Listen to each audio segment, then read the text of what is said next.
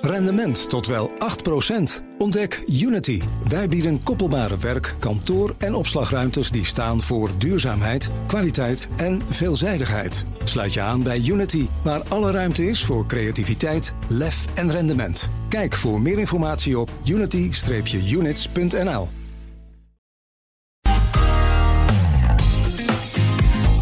Ongevraagd advies.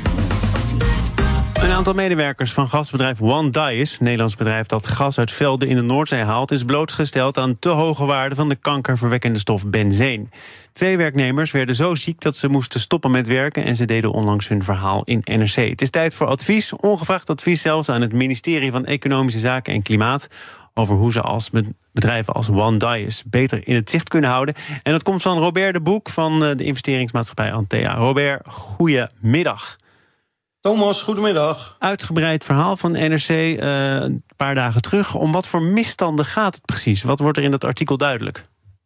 Ja, het wordt duidelijk dat de, de veiligheidsregels door dit bedrijf, en dat is geen klein bedrijf, daar komen we zo nog wel op, uh, ja, dat die veiligheidsregels uh, met voeten worden getreden. Ik zal een paar voorbeelden noemen. Werknemers worden blootgesteld aan te hoge waardes benzeen, dat kankerverwekkend is. Lekkages worden niet altijd schriftelijk vastgelegd. Metingen op giftige stoffen worden niet altijd gedaan. Afvalwater met daarin schadelijke stoffen worden soms in zee gedumpt. Er worden niet of nauwelijks beschermingsmiddelen gebruikt. Als een machine lekt, wordt er gewoon een grote emmer van 20 liter ondergezet, die dan onder een paar dagen geleegd moet worden. En olie wordt opgeslagen in een open container waar dampen vanaf komen. En uit interne mails in bezit van NSC blijkt dat rond die container de gemeten hoeveelheid benzeen minstens 70 keer zo hoog is als toegestaan. De medewerkers die in NRC aan het woord komen zijn medewerkers met ervaring. Niet alleen bij One Dyers, maar ook bij vergelijkbare bedrijven actief in andere landen. En die zeggen ook, ja, wij dachten dat we ook bij One Dyers natuurlijk onder een streng regime zouden vallen. Maar het was op geen enkele manier te vergelijken met bijvoorbeeld hoe het in het Verenigd Koninkrijk gaat, hè? Ja, dat klopt. En uh, ja, nog even los van het feit dat de cultuur bij dit bedrijf... en nogmaals, het is geen klein bedrijf... het is een bedrijf met een omzet van bijna een miljard... en bijna 100 miljoen uh, netto winst. Aandeelhouders zijn onder andere de familie Ventenen van Vlissingen... hoog in de quote top 500... en oud-ABN AMRO-topman Rijkman Groening. Ja, er heerst een, cultuur bij dat bedrijf... Ja, op het gebied van veiligheid wat... Uh, schrikbarend is. Als bijvoorbeeld medewerkers vragen om beschermingsmiddelen, wordt geantwoord door een leidinggevende. Het is je eigen verantwoordelijkheid. Zorg maar dat je die shit ontloopt. Ik heb daar zelf ook 30 jaar rondgelopen. En wanneer iemand een project stopt omdat hij te gevaarlijk vindt, krijgt hij te horen: je moet doorgaan, anders kost het te veel geld. En tegen één van de twee medewerkers wordt gezegd: niet zeiken, kutpol. Ja, dit zijn dus medewerkers die het wel aanhangig hebben gemaakt... en die een nul op het rekest gekregen hebben. Die eigenlijk alleen maar te horen kregen... doe gewoon je werk en stel geen moeilijke vragen. Ja, en vervolgens zijn ze naar de arbeidsinspectie gegaan. En dan horen ze vervolgens eerst twee maanden niet. En dan krijgen ze een telefoontje waarin wordt gezegd... dat de arbeidsinspectie niets kan doen... omdat die alleen op het vasteland controles mogen uitvoeren. En de werkzaamheden hier betreffen vooral boorplatforms op de Noordzee. Dus de arbeidsinspectie kan niks doen. Maar dan komen ze erachter dat het toezicht op boorplatforms ligt bij de toezichthouder het staatstoezicht op de mijnen, de SODM. Ja, en die gaat onderzoek doen. En ja, die concludeert dan dat er inderdaad blootstelling eh, aan het kankerverwekkende benzine heeft plaatsgevonden.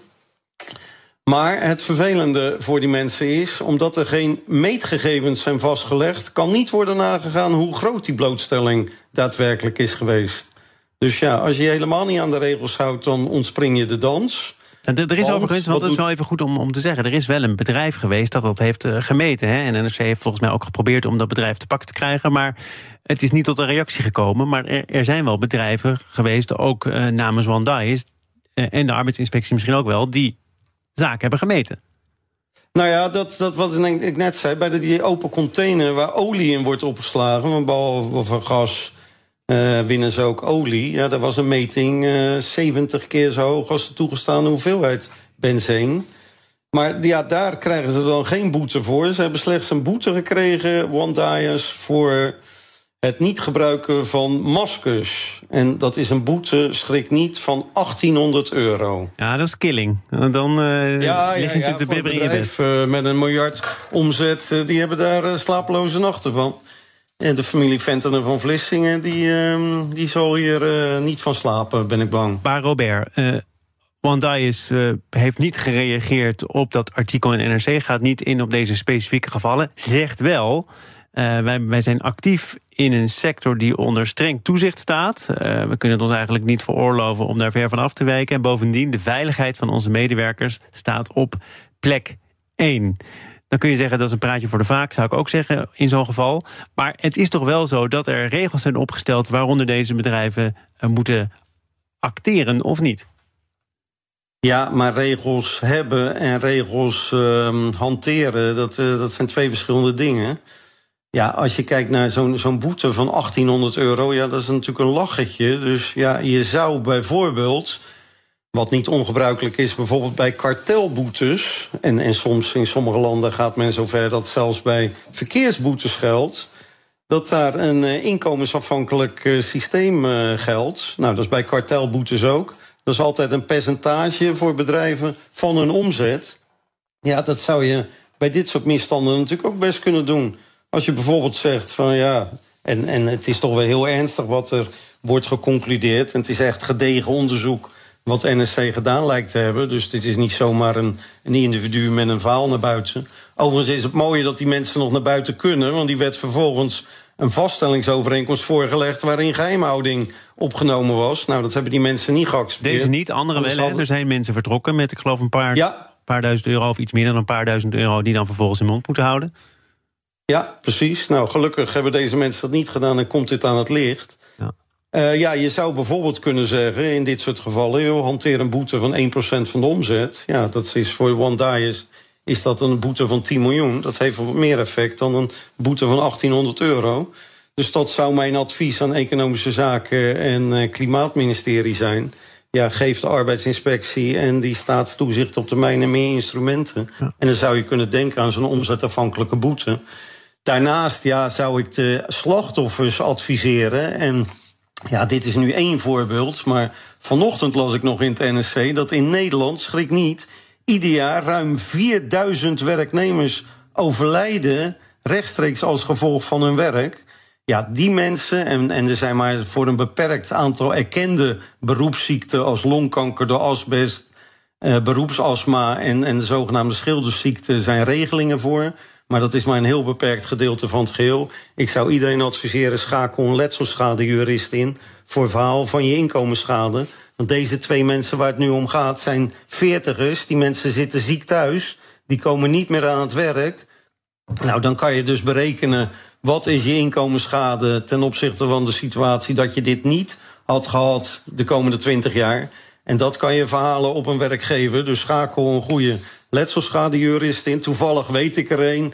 JBLG, ja, vorige week nog bij jullie in het programma. Steffi Roos Dumaine. Ja, maar, maar daarom heb ik niet... Ja, een Antea-deelneming, maar daarvoor heb ik niet... Oh, dat wel. Oh, oké.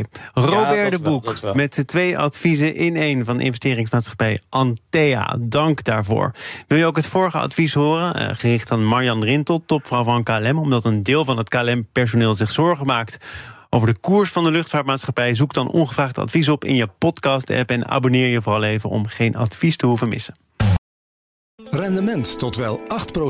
Ontdek Unity. Wij bieden koppelbare werk, kantoor en opslagruimtes die staan voor duurzaamheid, kwaliteit en veelzijdigheid. Sluit je aan bij Unity, waar alle ruimte is voor creativiteit, lef en rendement. Kijk voor meer informatie op unity-units.nl.